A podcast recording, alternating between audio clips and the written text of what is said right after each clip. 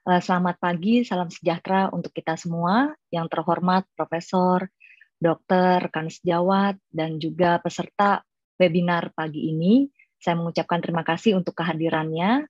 Eh, pada pagi ini kami akan membawakan tentang eh, rapid antigen past dan future gitu ya kira-kira. Ini adalah outline yang akan saya bawakan meliputi pendahuluan atau latar belakang, kemudian pengalaman penggunaan rapid antigen di RSCM, dan terakhir adalah ringkasan yang dapat uh, dibawa pulang gitu ya. Nah, kemudian uh, sebagai pendahuluan tentu kita semua sudah banyak gitu ya webinar-webinar yang men menyatakan bahwa pada tahun 2019 lah mulai mulai ada infeksi saluran nafas yang menyebar cepat mulanya di Wuhan kemudian dinyatakan oleh WHO sebagai uh, pandemi tahun 2020. Nah, angka kesakitan dan kematiannya tinggi dan upaya untuk deteksi dini penyakit itu uh, penting dan untuk juga pencegahan penularan agar tidak lebih banyak lagi angka kesakitan dan kematian.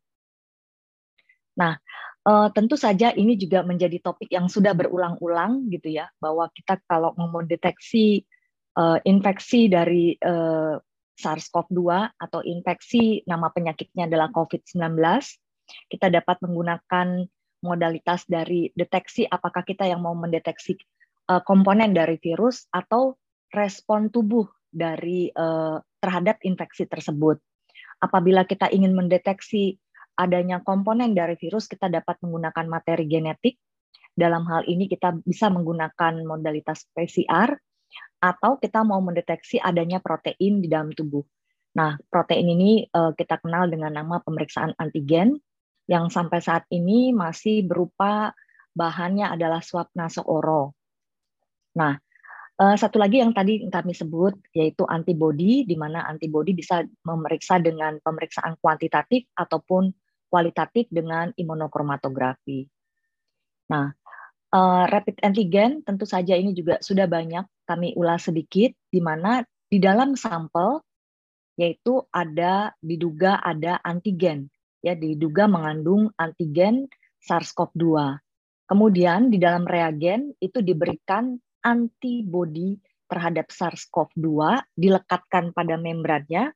Kemudian di bagian uh, PET-nya ada konjugat berlabel koloidal dan nanti kemudian ada buffer yang akan digabung dengan swab uh, nasooro yang kemudian nanti akan berjalan gitu ya ke arah ke depan.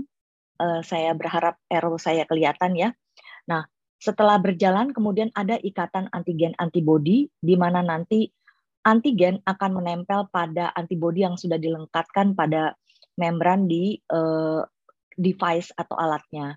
Kemudian nanti antibody berlabel uh, ini akan menjadi penanda atau berbentuk pita. Nah, uh, antibodi koloidal yang tidak berikatan akan melalui karena prosesnya itu akan bergerak uh, kapiler adanya serapan. Nah, maka di sini akan melekat pada uh, area yang disebut kontrol test sehingga menjamin bahwa pemeriksaan memang berlangsung dengan baik. Nah, kapan gitu ya kita akan memeriksa antigen? Jadi uh, dalam riwayat uh, perjalanan seseorang yang terinfeksi uh, SARS-CoV-2 dia ada masa inkubasi dari mulai masuk sampai akhirnya timbul gejala. Dan di sini ada yang disebut dengan asimptom, artinya belum dirasakan bahwa saat ini terinfeksi, padahal sebenarnya virusnya sudah masuk. Nah, di sini kita lihat bahwa SARS-CoV-2 antigen itu ada tempatnya kurang lebih di uh, hari ke-7 sampai ke hari ke-14. Dan uh, nanti ada masanya antigen ini akan mulai menghilang walaupun dia sebetulnya masih uh, dalam uh, sakit atau masih di masih ada gitu ya virusnya ditemukan dalam tubuh. Nah, mengapa? Karena ada kemampuan deteksi dari uh, alat yang disebut sebagai sensitivitas ya, bergantung dari viral load-nya. Di awal juga demikian ya, tidak tidak dapat dideteksi secara langsung. Antibodi pun demikian ya. Antibodi akan timbul belakangan setelah uh, tubuh berupaya membentuk antibodi yang spesifik terhadap uh, SARS-CoV-2. Nah, uh, tentu juga kita masih mengingat ya, ini pernah dikeluarkan oleh Kementerian Kesehatan bagaimana kita menggunakan modalitas yang ada dengan keterbatasan kita sebagai negara berkembang yang pada saat itu belum semua dapat mengerjakan pemeriksaan PCR dan juga masih diingat ya tahun 2020 pemeriksaan PCR ada yang sampai harganya 3 juta ya waktu itu. Nah, kita lihat di sini ada gejala, ada tanpa gejala. Dasarnya itu dulu, kemudian nanti dilakukan pemeriksaan antigen.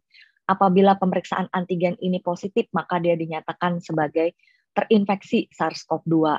Terlepas dari adanya false positif ya kemudian ada yang hasil negatif, maka itu kalau dia bergejala kita lakukan konfirmasi dengan pemeriksaan uh, nucleic acid test ya. Kalau hasilnya positif maka dia terinfeksi. Hasilnya negatif kita lihat lagi ada riwayat kontak atau tidak. Ini di bagian algoritma yang bergejala. Yang tidak bergejala ini masih ada lagi pembuktian yang lain sehingga uh, banyak sekali pertimbangan-pertimbangan yang dilakukan pada saat itu ya uh, kalau kita masih ingat ya, di tahun 2020 rapid antigen juga harganya masih mahal. Dari 700 sampai sekarang jadi 99.000 gitu ya. Karena itu waktu itu berhati-hati sekali dalam memilih modalitas deteksi diagnosis yang kita uh, alami ya. Saya rasa itu tidak hanya terjadi di RSCM tapi di rumah sakit yang lain juga. Nah, um, yang mau saya kami sampaikan ya, pertama uh, pada masa-masa tersebut kita merawat pasien COVID dengan jumlah yang uh, mungkin tidak sebanyak pasien yang non-COVID, tapi menjadi perhatian karena angka kematian tinggi. Nah, pada saat pasien merawat COVID ini, uh, pasien itu diharapkan dalam tata laksana yang tepat. Juga diharapkan tenaga kesehatannya sehat, karena kita masih ingat ya, penularan yang sangat tinggi sekali dan itu uh, membuat banyak tenaga kesehatan uh, mengalami perasaan cemas, takut gitu ya. Apalagi kalau kalau ditugaskan ke zona merah, istilahnya dulu ditugaskan ke Wuhan gitu, padahal sebetulnya hanya ke zona merah. Kemudian uh, ini juga ya mengurangi penularan dari pasien ke nakes. Nah, sedangkan yang pasien non COVID ini juga kita berharap pasien dalam tata laksana yang tepat, kemudian tenaga kesehatannya juga sehat. Nah, tetapi di sini ada sesuatu ya, penularan dari pasien dan komunitasnya. Artinya eh, tenaga kesehatan tidak dikurung, tetapi dia pulang ke rumah, kemudian berinteraksi dengan tetangga dan lain-lain. Nah, itu yang eh, dipikirkan. Karena itu eh, besarnya masalah dalam penggunaan rapid antigen ini menjadi terasa berat waktu itu ya. Nah, yang terinfeksi SARS-CoV-2 pada saat itu adalah tenaga kesehatan, pasien, dan komunitas si pasien, artinya keluarga gitu ya. Kita masih ingat ada masa-masa peraturan bahwa tidak boleh ada kunjungan ya, tidak boleh dibesuk karena kita begitu suspesius apakah uh, keluarganya juga uh, tidak sakit atau aman, tidak pergi-pergi gitu ya. Nah, uh, komunitas ini juga bukan cuma komunitas si pasien, tapi juga komunitas dari si uh, nakesnya. Nah, pada tahun 2020 negara kita masih punya PCR dan antibody ya. Pada saat itu belum ada tuh antigen. Saya ingat karena tahun 2020 akhir barulah dibuat ada suatu penelitian ya, antigen baru masuk tuh ke negara kita. Nah, di akhir saya ingat tuh Desember Desember melakukan penelitian sensitivitas terhadap uh, antigen uh, SARS-CoV-2 ya. Nah, dari tahun 2021 lah baru kemudian masuklah si antigen ini, rapid antigen ini sebagai modalitas dalam deteksi, tetapi peranannya tidak sebesar tentu dengan PCR. Nah, kemudian di tahun 2022 kita mulai eh, lama-lama meninggalkan antibodi ya, uh, karena sudah tidak ada pada tempat ada tempatnya, kecuali untuk kasus-kasus yang diduga ada kaitannya dengan infeksi lampau, uh, baik autoimun pada uh, pada akibat uh, due to uh, uh, infeksi SARS-CoV-2 ya. Atau ada ada sesuatu yang lain yang ingin dilihat. Masih ada kita punyai tetapi itu bukan menjadi modalitas dalam deteksi. Nah, ini adalah pengalaman kami ya di tahun 2020 jadi baru pakai antibody. Di sini kita melakukan uh, pelatihan massal terhadap 105 nakes baik dokter, perawat, DPJP, kemudian PPDS ya. Uh, dalam dua hari kita bagi uh, dalam kelompok-kelompok kecil dilangsungkan dua hari pada saat itu. Nah, Ketika rapid antigen tersebut masuk, apa yang uh, perlu dilakukan? Yang pertama, membentuk tim swab yang lebih besar, kemudian kita melakukan pelatihan penggunaan rapid antigen karena kalau hanya mengandalkan tenaga ATLM atau juga hanya mengandalkan uh, uh, apa dokter PPDS gitu ya, itu tidak bisa membantu situasi pada saat itu. Kemudian karena ini dilakukan oleh orang lain di luar yang sudah biasa melakukan, maka kita harus membuat suatu alur pemeriksaan yang jelas. Eh, bagaimana mendapatkan BMHP-nya, bagaimana kemudian melakukan pemeriksaan, bagaimana melaporkan hasil dan bagaimana itu sampai pada klinisinya. Nah, ini juga ya tadi membuat form pelatihan. Kemudian kami juga mendapatkan dukungan dari kebijakan rumah sakit. Dalam hal ini rumah sakit membuatkan ketetapan melalui rapat bersama gitu ya. Nah, kemudian uh, ada kendala lain gitu ya, upaya yang harus dilakukan yaitu pemilihan. Bagaimana kita bisa memilih dan uh, penelitian-penelitian yang berkembang untuk performa dari rapid antigen itu sendiri. Yang pertama, pengalaman kami di pada saat membuat tim swab gitu ya, tahun 2020 petugas swab ini masih uh, oleh staff ya. Uh, Dokter Yuli turun, saya turun, Dokter Rosinda turun gitu ya. Kemudian uh, staf dari Departemen THT juga turun. Kami berkolaborasi khususnya untuk pengambilan. Kemudian untuk BMHP, kemudian bagaimana penggunaan si uh, testing tersebut tentu itu oleh patologi klinik. Nah, kemudian di tahun 2021 ini uh, berkembang ya kami mendapatkan eh, ada satu uh, tenaga baru yaitu yang direkrut yaitu relawan oleh rumah sakit dan juga teman-teman dari keperawatan. Nah, kemudian tahun 2022 ini akhirnya uh, staff dan juga uh, seluruh PPDS yang akan dimasukkan nanti kami informasikan dan juga tim dari perawat. Nah, ini tim swab ya pada awalnya kami melatih dulu departemen forensik nih yang pertama-tama mereka ingin sekali bisa melakukan uh, swab pada uh, ini ya uh, pada uh, pasien yang sudah meninggal ataupun ada kasus-kasus yang mereka rasa sulit karena pada saat itu misalnya ada warga negara asing yang harus pulang sudah meninggal itu perlu dilakukan. Nah akhirnya kemudian merembet kepada DPJP departemen lain dan akhirnya ke uh, yang lainnya. Nah Ketika kami mulai dengan pelatihan penggunaan rapid antigen tahun 2020, itu unik ya. Kami ada sekitar, uh, saya masih ingat orangnya tuh 20, yaitu petugas khusus dari IGD. Karena uh, kami akan uh, memusatkan konsentrasi di IGD gitu ya, karena di tempat lain kami rasa belum pada masa pada masa itu masih antibody ya. Kemudian yang unik di sini adalah pemeriksaan tersebut dilatih masih dalam BSC. Saya ingat ya timnya Dr. Yuli dan kawan-kawan ya melatih uh, ada dokter Mutiara, PPDS kami, dokter Rivaldi, dokter Doni itu ya semua uh, mengerjakan dalam BSC. Dan kalau nanti pun dikerjakan harapannya pada waktu tahun itu adalah dikerjakan dalam ruangan bertekanan negatif di IGD. Nah, kemudian tahun 2021 ini sudah uh, apa namanya mungkin uh, apa namanya keberanian dari teman-teman ATLM ya sudah mulai dan akhirnya oleh uh, analis yang terlatih dan pemeriksaannya on-site.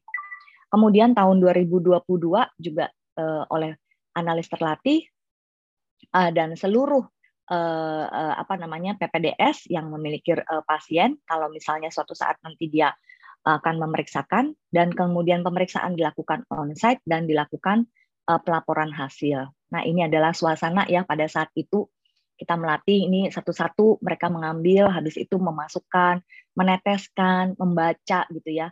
Ini di kita pakai waktu itu laboratorium mikrobiologi ya tempatnya dokter Yuli waktu itu. Nah eh, pada tahun 2021 kami juga mengalami perubahan tempat ya. Eh, semula dikerjakan swab atau rapid antigen di ruangan bertekanan negatif gitu ya di ruang RPT ruang tindakan Kemudian itu pindah eh, kami difasilitasi oleh beberapa donatur sehingga bisa di tempat terbuka dalam chamber gitu.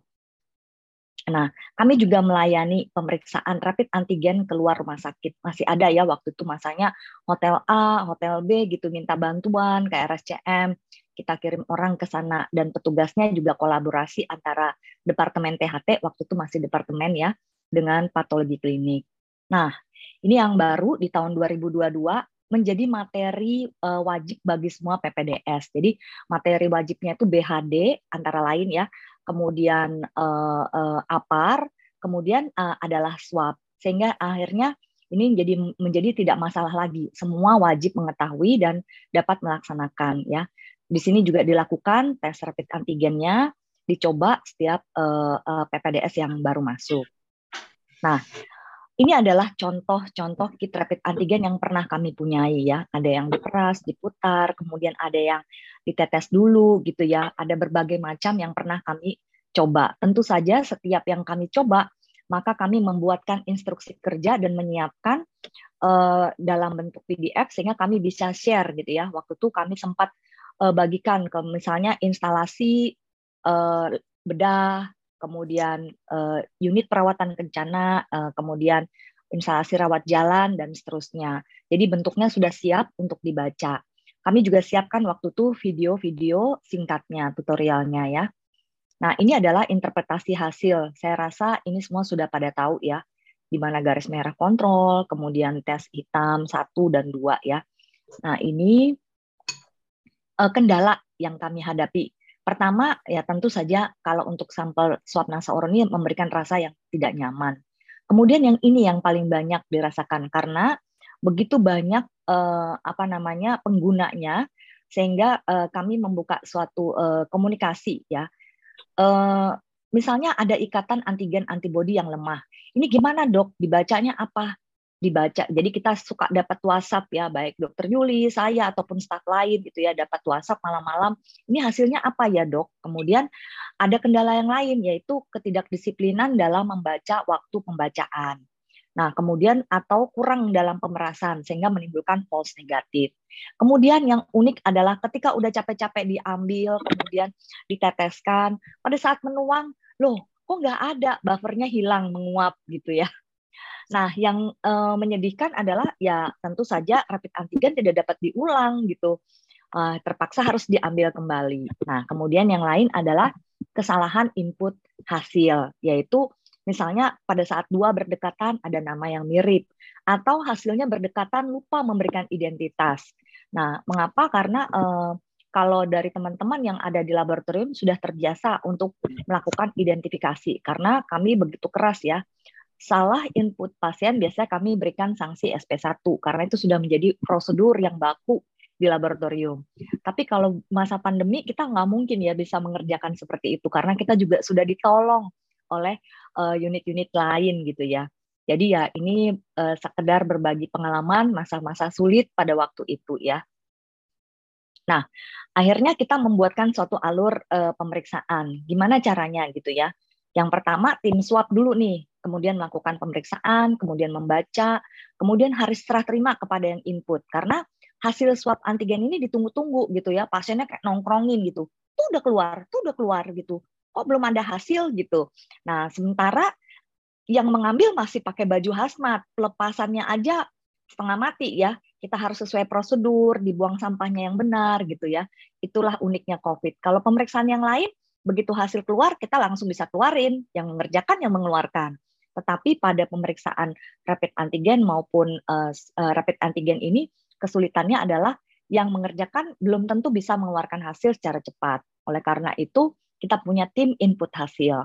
Nah, bagaimana komunikasi antara keduanya ini menjadi penting ya, di mana tidak boleh sembarangan untuk bilang bahwa ya kalau saya nggak tulis hasil berarti negatif gitu, oh, nggak boleh gitu ya.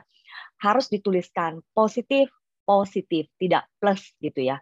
Nah, kemudian ada tim admin. Tim admin ini penting memasukkan ke sistem NAR. Nah, banyak sekali eh, orang-orang yang tidak mengetahui. Tadi saya sudah diperiksa, saya sudah terima hasil. Kenapa kok di peduli lindungi saya belum keluar gitu ya?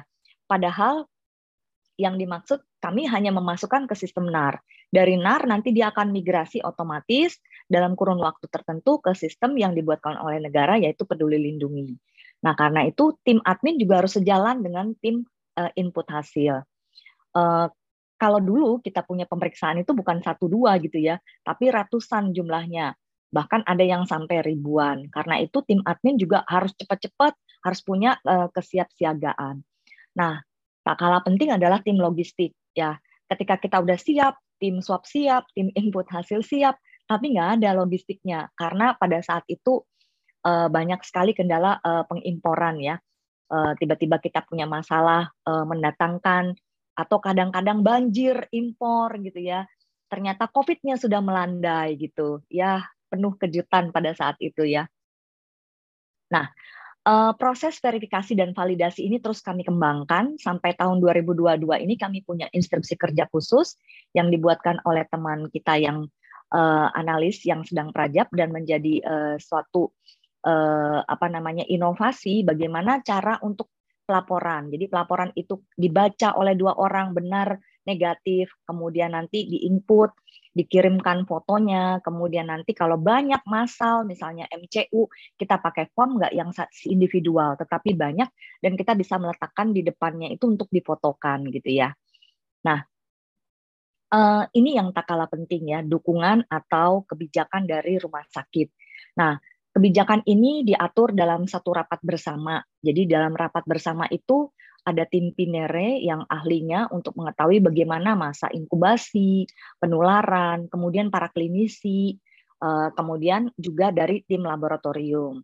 Nah, di situ diatur eh, kapan kita mau menggunakan eh, rapid antigen. Walaupun sudah ada kebijakan yang diatur oleh Kemenkes, kami lebih mendetailkan. Misalnya, perlukah pendamping pasien diperiksa berapa lama sekali kalau misalnya pasien dirawat sampai satu bulan. Pendampingnya tuh harus di, di, diperiksa ulang kapan apakah setiap seminggu sekali. Kemudian kalau untuk pasien pasien yang mana yang akan dilakukan pemeriksaan rapid antigen? Karena kita harus menghitung modalitas yang ada. Uh, biaya pemeriksaan yang besar yaitu PCR juga harus uh, berbanding ya uh, sejalan dengan pemeriksaan uh, antigen. Pemeriksaan antigen juga uh, mahal juga. Sementara pada saat itu kita banyak mendapat dukungan uh, apa namanya uh, biaya reagen yang didukung oleh pemerintah. Karena itu kita harus mengatur gitu ya, mana yang untuk dikerjakan uh, pasien yang mana saja. Nah, uh, setiap uh, ada perubahan atau ada suatu kebijakan yang baru itu dievaluasi selalu. Misalkan uh, pada masa alfa, uh, varian alfa varian Delta dan varian Omikron, maka kebijakan itu berangsur-angsur uh, berubah gitu ya. Ya kita harus bisa menyesuaikan. Nah, uh, contohnya kolaborasi di instalasi, misalnya di gawat darurat. Di gawat darurat kita menemukan bahwa oh ini uh, bisa dilakukan hanya dengan tanpa ini pasien tanpa gejala, berarti dia bisa dilakukan pemeriksaan rapid antigen. Tetapi kalau yang bergejala kami semua melakukan pemeriksaan PCR. Kemudian pasien dengan tindakan persiapan untuk tindakan yang aerosol, maka kita pilih yang PCR. Nah, kemudian eh, kami juga mengatur itu untuk petugas yang bekerja di zona merah. Eh, artinya zona yang merawat pasien-pasien COVID. Di situ diatur kapan eh, petugas tersebut yang selesai tugas akan diperiksa PCR dan kapan yang diperiksa antigen. Jadi tidak selalu setiap uh, seminggu awalnya kami memang mengerjakan setiap dua minggu kita pakai PCR. Lama kelamaan dengan modalitas yang baru maka kami beralih menggunakan antigen. Nah kemudian ada juga pemeriksaan rutin pegawai eh, petugas uh, swab. Di sini kami juga ada yang mengerjakan pakai uh, PCR dan juga ada yang pakai uh, antigen. Nah ketetapan-ketetapan inilah yang sangat penting yang dapat uh, apa namanya didukung oleh kebijakan dari uh, rumah sakit. Nah, uh, ini tadi ya uh, sudah saya jelaskan. Jadi rutin, contohnya pasien yang rutin menjalani radioterapi itu nggak lalu jadi PCR pada saat itu. Awalnya kita pakai antibodi. Nah, seiring dengan antibodinya habis dan kita cuma bisa pakai uh, antigen, maka kita buat kebijakan. Oh ya udah, ini dari uh, apa namanya bersama ya dari direktur, kemudian dari tim Pinere dan rapat besar diputuskan oh ya udah ini pemeriksaannya untuk setiap dua minggu sekali uh, kemudian pasien-pasien HD waktu itu sempat ya uh, kita pakai rapid antigen. Nah kemudian ada kasus khusus di IGD harus bertindak cepat tidak dapat menunggu hasil PCR. Ini juga misalnya pasien dengan luka bakar perlu tindakan segera Nah, itu eh, dapat dilakukan antigen dulu. Tentu saja dengan seizin DPJP. Nah, ini tadi sudah disampaikan. Nah, ini yang khusus pada saat itu kita masih ingat ya. Misalnya ada eh, kementerian datang gitu, Atau saya ingat tuh koperasi dibuka ya, koperasi dibuka, kementerian datang, kementerian koperasi, maka timnya perlu di swab. Nah, kita uh, buatkan ini pemeriksaan uh, antigen ya, on site. Uh, saya rasa masih ada beberapa kegiatan yang masih berlangsung uh, seperti itu ya. Contohnya uh, kondangan gitu ya, uh, lalu ada timnya pemeriksaan antigen gitu ya. Uh, yang keenam pemilihan jenis dari uh, rapid antigen. Nah, Uh, pada saat itu ketika banyak sekali rapid antigen maka uh, tim RSCM dari tim logistik UPBJ dan juga uh, apa namanya uh, instalasi laboratorium terpadu memutuskan nih mana yang akan dipilih. Yang pertama kami tentu melihat dari performa ya karena khawatir kalau kesalahan dari false negatif. Kita lihat sensitivitas, spesifisitas, NPV, PPV ya. Kemudian kita lihat kemasannya, apakah kemasannya itu baik atau dia dilakukan uh, rekemasan ulang gitu ya, ditempel dengan pabrik A, pabrik B, itu ada yang begitu ya. Nah, kemudian instruksi kerjanya yang jelas. Nah, ini yang unik ya. Ternyata kami lebih uh, nyaman kalau menggunakan buffer yang satuan. Karena apa? Kami harus membagi buffer itu ke berbagai. Kalau dia nggak sama dengan lot numbernya, bisa kacau tuh ya. Jadi misalnya kami dapat satu kotak isi 25, kemudian buffernya harus dibagi-bagi. Itu agak merepotkan. Tapi kalau buffernya dikemas satu-satu itu lebih uh, lebih uh, apa namanya nyaman lah buat petugas. Sayangnya tentu kalau buffer satu-satu tentu menjadi harganya berbeda. Nah, kemudian proses pengerjaan. Dulu kita tahu ada NASO, ORO, kemudian diperas gitu ya. Belakangan kita mendengar nih kabar, oh ada bisa dari nasal. Karena ada beberapa pasien khusus yang suka jadi pertanyaan, dok kalau trombositnya rendah, 25 ribu jadi bagaimana dok? Kami harus masuk ke dalam kah? Atau bagaimana gitu ya. Nah ini mungkin yang jenis nasal itu sangat membantu. Kemudian tentu biaya, biaya dengan harga yang terjangkau, tapi pemerintah telah turun tangan di sini ya, sudah ditetapkan harganya. Nah, Ketujuh yaitu penelitian. Kami juga pada saat itu melakukan penelitian performa rapid antigen, baik sensitivitas, spesifitas. Cuma kesulitannya adalah mana ada subjek yang mau diambil bersamaan gitu ya pada saat diambil. Nah, waktu itu kita pakai trik ya sudah tangkainya bersama-sama dimasukkan bareng-bareng gitu ya untuk rapid antigen dan juga untuk uh, uh, PCR-nya. Dan ini kesulitannya adalah ya tidak semua subjek mau diambil langsung. Nah, karena itu akan lebih uh, nyaman kalau misalnya rapid antigen tersebut bisa dengan menggunakan sisa dari TTM-nya. Nah, kalau seperti itu kita bisa menilai performanya. Nah, ini ya. Pertama tidak memiliki panel langsung, kemudian ada tidak ada sampel sisa langsung ya. Karena ada perbedaan dari uh, yang sudah diteliti oleh PD antara CT dari hasil dari uh, eh, PCR kurang dari 25 dan lebih dari 25 dan juga mengumpulkan sampel negatif. Mana ada ya yang mau khusus diambil untuk dilakukan dicolok dua kali lagi gitu ya. Kesulitannya seperti itu untuk melakukan sebuah uh, penelitian. Nah, uh, saya rasa itu yang bisa uh, saya bagikan pengalaman kami di RSCM selama pandemi dari tahun 2020 sampai tahun 2022 uh, pada prinsipnya deteksi dini dan cepat itu akan menurunkan angka kesakitan, kematian, dan penularan.